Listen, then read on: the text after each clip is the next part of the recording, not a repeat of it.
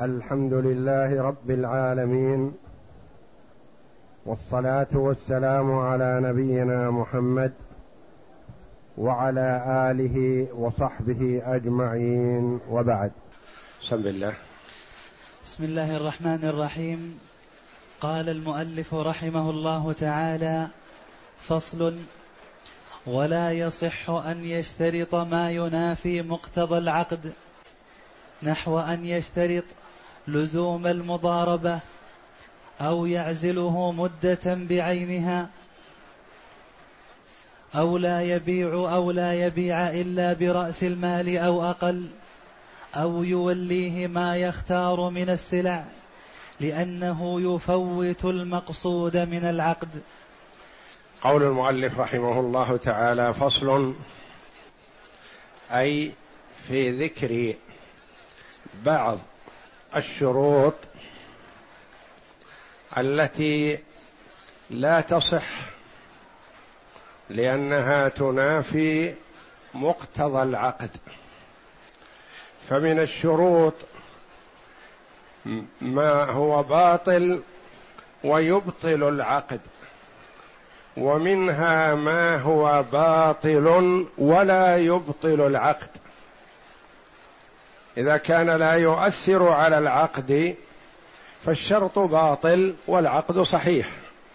وحينئذ يكون للعامل أجرة المثل أجرة عمله. ومن الشروط ما هو باطل ويبطل العقد يكون العقد غير صحيح. فيقول رحمه الله ولا يصح أن يشترط أي العامل أو صاحب المال. ما ينافي مقتضى العقد. يعني مقتضى المضاربة شيء وهذا الشرط ينافيه. فلا يصح. نحو أن يشترط لزوم المضاربة. تقدم لنا أن المضاربة عقد لا عقد جائز.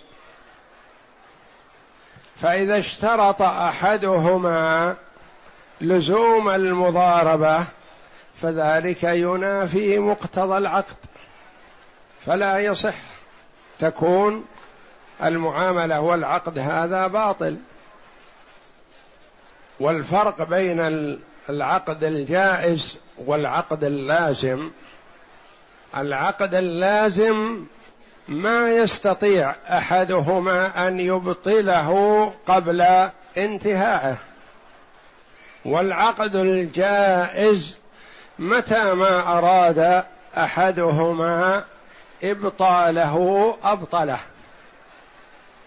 فمثلا الوقف عقد لازم. قال هذه الأرض مسجد مثلا وأشهد على هذا. بدا له بعد يوم أو يومين أو شهر أو شهرين أو سنة أو سنتين قال هذه الأرض أبيعها. يقول لا. عقد الوقف عقد لازم. خلاص خرجت من ملكك وأصبحت ملكا لله جل وعلا وأنت تبرأت بها وأعطيتها لربك. فما يصح أن ترجع فيها. الوصية عقد لا جائز قبل الموت. اوصى لفلان مثلا بعشرة آلاف أو بأرض أو بدار أو نحو ذلك. ثم بدا له أن يعدل لأن فلان اغتنى. وفلان تسددت أموره. كان حينما أوصى له كان بحاجة والآن استغنى. فعدل عن هذه الوصية نعم من حقه أن يعدل. لأن الوصية عقد جائز. البيع والإجارة عقد لازم. بعت عليه هذه الدار بألف ريال بعد سنة أصبحت تساوي عشرة آلاف مثلا. تستطيع أن تعدل عن هذا البيع تقول لا خذ ألفك وأعطني داري. لا البيع عقد لازم. استأجرت منه دارا بكذا فبعد مدة قبل تمام مدة العقد بدأ له أن يعدل عن هذا التأجير. يقول أنا في حاجة إلى هذه الدار سلمني إياها. تقول له بقي من المدة ستة أشهر. يقول وإن كان. أعطيك أجرة ستة الأشهر وأخرج. هل يصح؟ لا. لأن الإجارة عقد لازم. المضاربة عقد جائز وليس بلازم. أنت مثلا أعطيت فلان عشرة آلاف يضارب بها على أن ما يقسم الله من ربح له ثلاثون بالمئة ولك سبعون في المئة. مثلا بعد خمسة أشهر أو ستة أشهر احتجت إلى دراهمك. فقلت له أعطني إياها نتحاسب وما قسم الله من ربح خذ ثلاثين بالمئة وأعطني الباقي. فيقول لك لا أنت أعطيتني إياها مضاربة تبقى معي ست سنوات خمس سنوات كذا مدة. لأن هذا الربح مشترك بيني وبينك. ولا نتحاسب الآن وإنما نتحاسب بعد كذا بعد سنتين بعد خمس. هل يملك؟ هذا يمنع؟ لا. تقول دراهمي أعطيتك إياها تتاجر بها والآن أنا في حاجة إليها. فالمضاربة عقد جائز يعني ما حد يلزم الطرفين. أنت أعطيته يتاجر بها. بعد ذلك رأى أن هذه المتاجرة فيها مشقة عليه وتعب والربح قليل فقال لك يا أخي خذ دراهمك. وهذا الربح بيني وبينك ولا أستطيع الاستمرار في مثل هذه المضاربة لأن فيها إرهاق وفيها مشقة وفيها أسفار وفيها مخاطرة. تقول لا ما يمكن. أنت أخذت دراهمي لازم أن تستمر فيها. أقل شيء سنة؟ لا. لأن المضاربة عقد جائز. نحو أن يشترط لزوم المضاربة. يقول أعطيك هذه الدراهم لكن على شرط أن تضارب بها خمس سنوات. ما يصلح أن بعد ستة أشهر أو خمسة أشهر ترد علي دراهمي؟ لا. أشترط عليك تكون المدة خمس سنوات. هل يصح هذا الشرط؟ لا. أو العامل يقول أنا أريد أن أتاجر متاجرة وسيعة وبعيدة ولا يكفي المتاجرة لمدة سنة أو سنتين. أشترط عليك إذا أعطيتني هذه الدراهم أتاجر بها مضاربة على شرط أن تبقى معي خمس سنوات. ما يصلح بعد ستة أشهر أو سنة تقول أعطني دراهمي. وشرط أن تكون مدتها خمس سنوات. هل يصح هذا؟ لا ما يصح. يا أخي نقول المضاربة عقد جائز بين الطرفين. متى بدا لأحدهما العدول فله ذلك ولا يلزم بمدة. أو لا يعزله مدة معينة. يشترط العامل يقول أشترط عليك ألا تعزلني عن هذه المضاربة مدة خمس سنوات وإلا خل دراهمك عندك.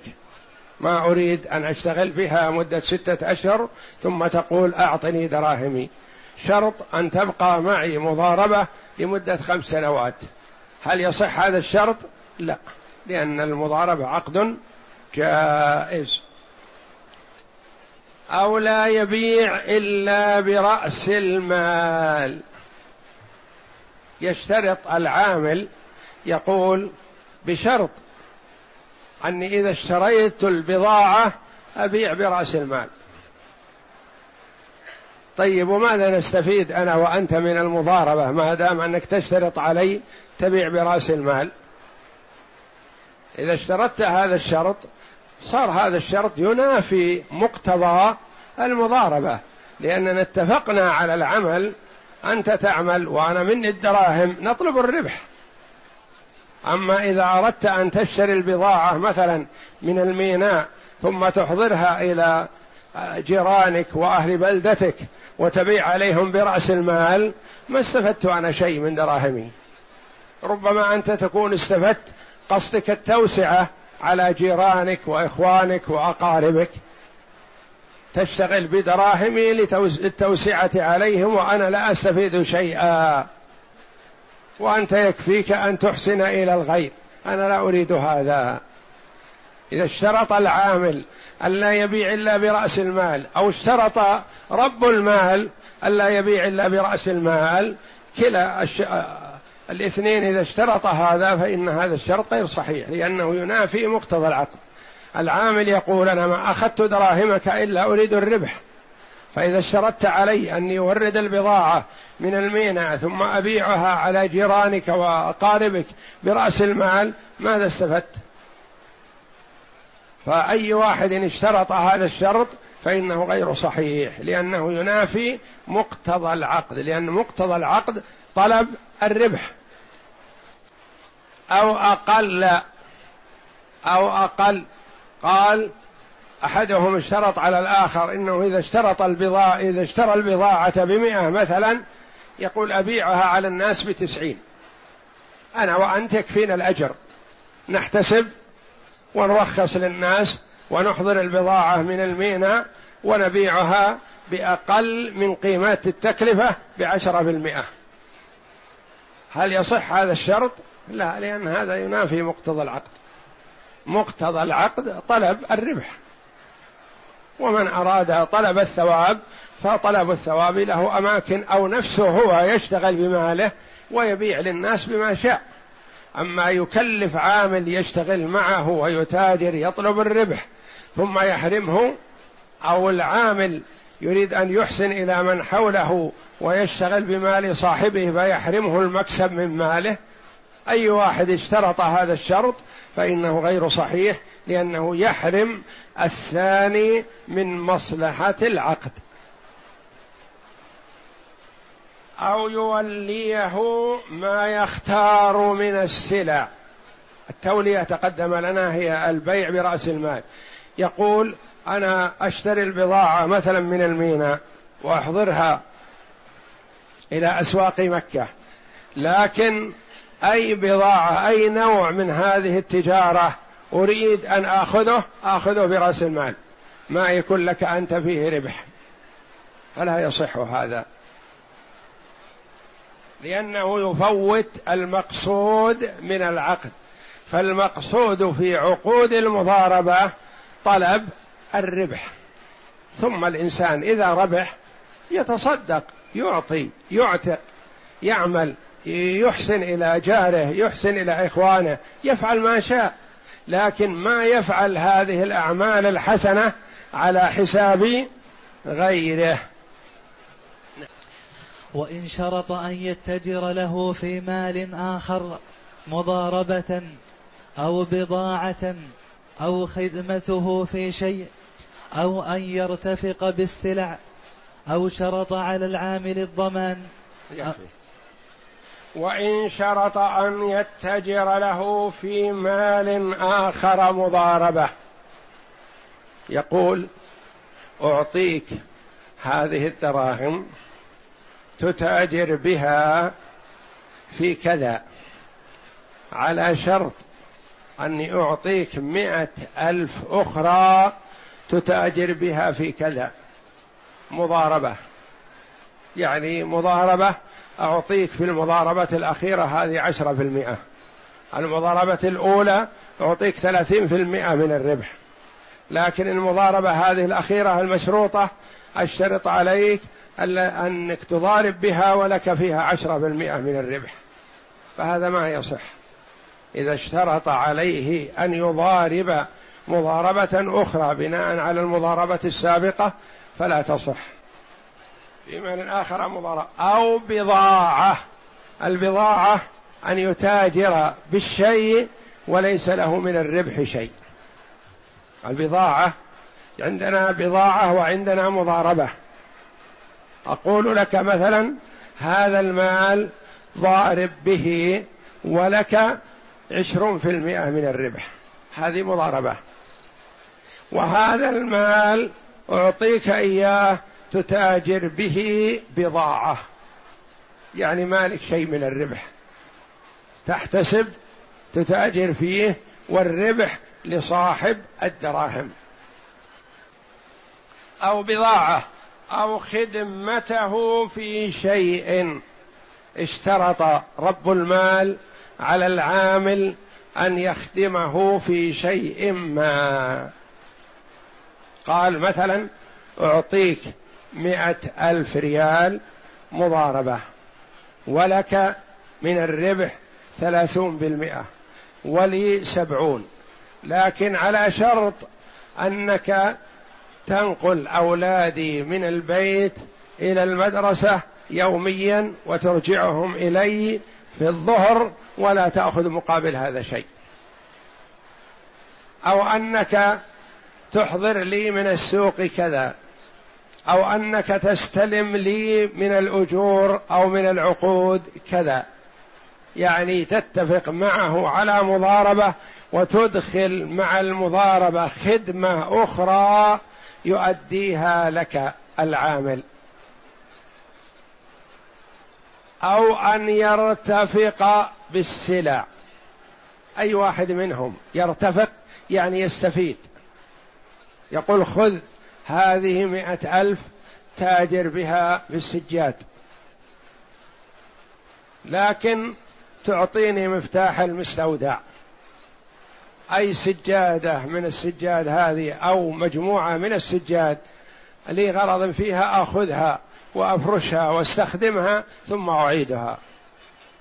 يعني يشترط أحدهم أحد الاثنين العامل أو رب المال الانتفاع بهذه المواد بدون مقابل. يقول أرتفق بها يعني أستفيد منها وأستخدمها ولا أدفع مقابل هذا شيء. أو شرط. أو شرط على العامل الضمان أو الوضيعة أو إسهاما منها أو سهما. أو سهما منها. أو شرط رب المال. على العامل الضمان. قال يا أخي أنا أعطيك مئة ألف تتاجر بها لكن أخشى من التساهل. قال يا أخي إذا أثبت علي التساهل فأنا ضامن بلا شك لأنه إذا فرط العامل فإنه عليه الضمان. قال لا أريد أن تلتزم لي بالضمان فرطت أو لم تفرط. هل يصح؟ يقول أريد أن تلتزم لي بالضمان تضمن لي رأس المال ما ينقص. قال يا أخي إذا فرطت فأنا ضامن بلا شك شرعا. وإذا لم أفرط فكيف تلزمني يقول مثلا ما أدري عنك ولا أنا متابع ولا أستطيع أتابعك هل فرطت أو لا فرطت؟ لكن أريد أن تلتزم لي بأن رأس مالي ما ينقص. أي خلل يحصل عليه تضمنه أنت. هل يصح؟ لا هذا لا يصح.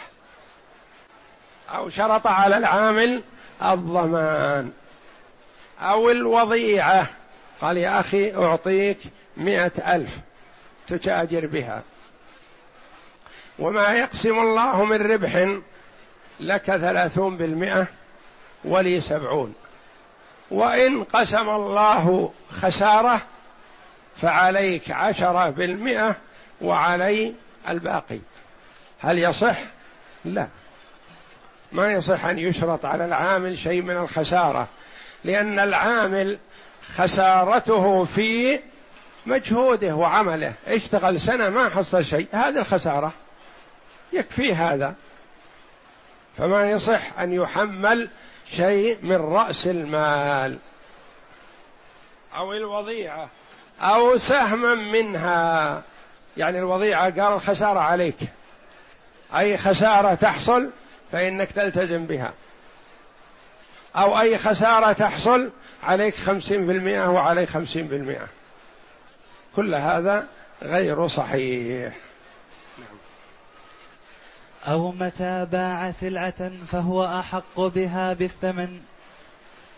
أو متى باع سلعة فهو أحق بها بالثمن.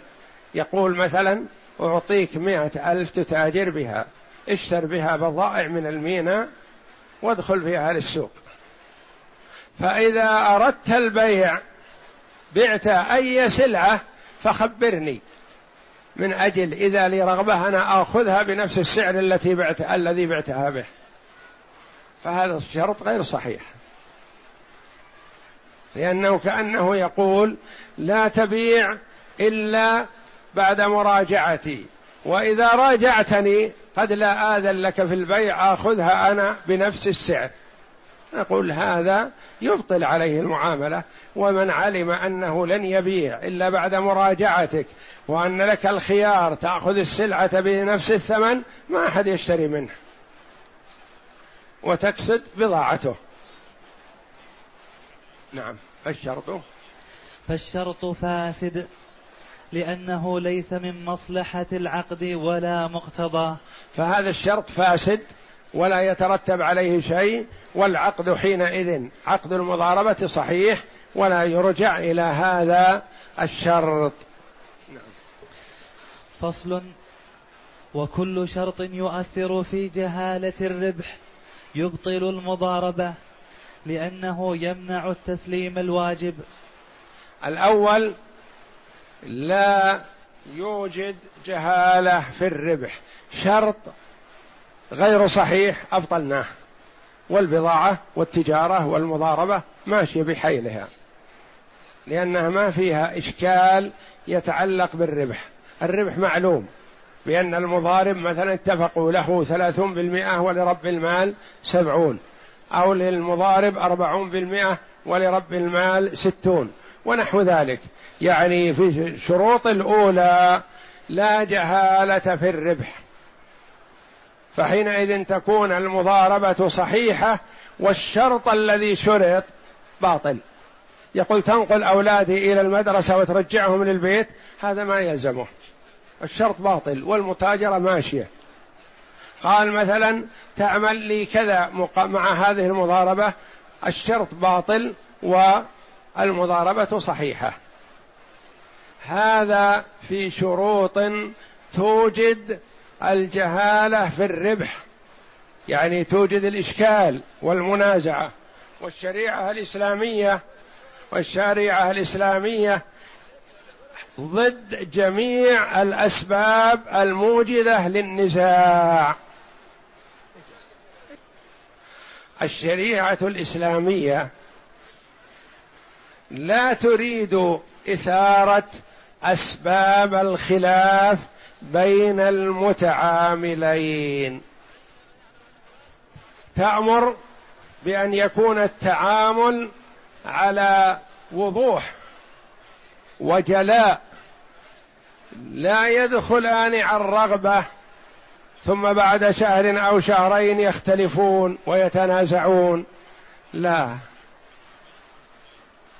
ينهى عن جميع أسباب الخلاف والنزاع بين المتنازعين حتى تدوم الإلفة والمحبة وحسن المعاملة بين المتعاملين. كل شيء يكون واضح جلي. قبل أن يدخل في العقد يدخل على بصيرة وعلى عقد واضح بين. ما يترتب عليه فيما بعد نزاع هذا يقول لي سبعين وذا يقول لا لك ستين لك خمسة وأربعين لك كذا. لا. ندخل على تعامل واضح جلي. لك كذا وله كذا. قال فصل وكل شرط يؤثر في جهالة الربح يبطل المعاملة من أصلها. كلها تكون باطلة. إذا قال يا أخي خذ. هذه مائة ألف تاجر بها. وبعد سنة إن شاء الله أو ثمانية أشهر ننظر. إن كان الربح فيه خير فأنا أتجزل معك.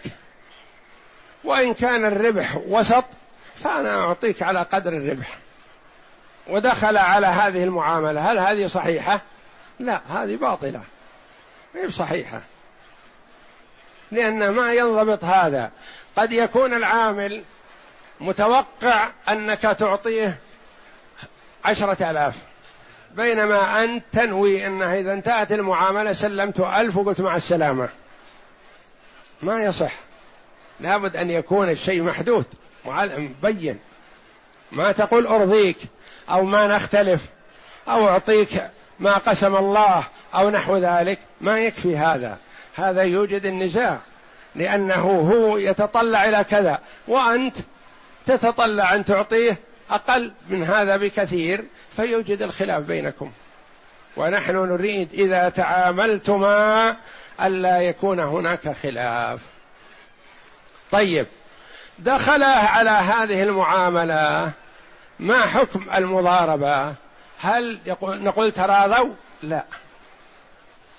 نقول رأس المال لصاحبه. والربح كله لصاحب المال. والعامل هذا له أجرة مثله سواء كانت بقدر نصف الربح أو بقدر الربح كله أو بقدر الربح مرتين. لأن له أجرة مثل عمله. ما دام أن المضاربة غير صحيحة فنعطيه أجرة مثله. إيضاح هذا. أعطاه مئة ألف مثلا. وقال إن شاء الله إذا كان الربح فيها كثير أنا أتجزل معك. أعطيك أكثر. وإذا كان الربح قليل نعطيك على قدر الربح. دخل على هذا. ترافع إلينا. ما تراضيا. ولا لو تراضيا ما بحثنا عنهم. ولا طلبناهم. لكنهم تنازعوا. فجاءوا إلينا. نقول أصل هذه المضاربة باطلة.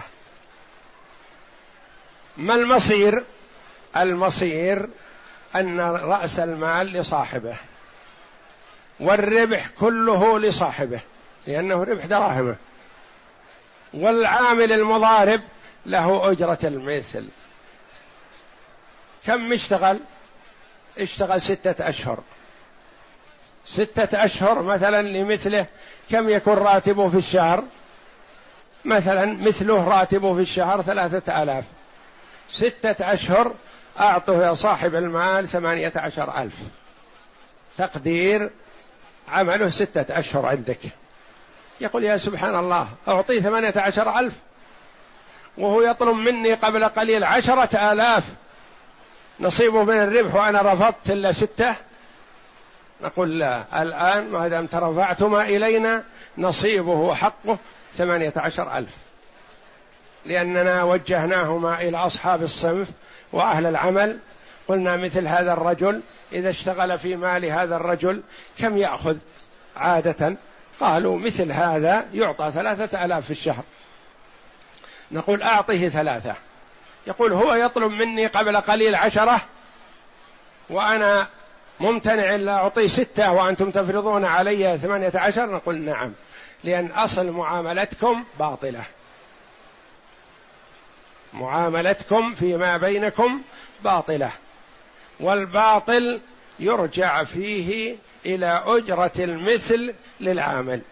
وأجرة المثل لا أنت تقررها ولا هو يقررها. هو يقول قد يقول أجرة مثلي في الشهر أربعة آلاف. وأن تقول أجرة مثلك ألف في الشهر. وأهل الصنف يقولون ثلاثة. نقول أعطه ما يقول أهل الصنف. فإذا بطلت المعاملة يعطى أجرة المثل. حتى وإن كان العامل طلب أقل من ذلك. إن تصالحا قبل أن يصل إلينا ما بحثنا عنهم. لكن إذا جاءونا وجعلوها في ذمتنا نحكم لهم بشرع الله. معاملة باطلة لو كانت المعاملة صحيحة على حسب ما اتفقتم. معاملة باطلة يعطى أجرة مثله. قلت أو كثر. يقول البضاعة كلها ربحها أقل من ثمانية عشر ألف. نقول نعم هذا ممكن. يكون أقل يكون عليك خسارة ما هو لازم ربح. لما لم تتفقوا على ضوء الشرع من أول مرة. فالشريعة الإسلامية تأمر بتوثيق المعاملات وضبطها على ضوء الشرع. لا ظلم على صاحب المال ولا ظلم على صاحب العمل. كل يأخذ حقه. فإذا اشترط أحدهما شرطا لصالحه وليس من مقتضى العقد ولا يؤثر في الربح فالشرط باطل والمعاملة صحيحة. وإذا كان يؤثر في نسبة الربح مثل هذه الحالة الأخيرة فإن المعاملة كلها باطلة ويكون للعامل أجرة المثل والله أعلم. وصلى الله وسلم وبارك على عبده ورسول نبينا محمد وعلى آله وصحبه أجمعين.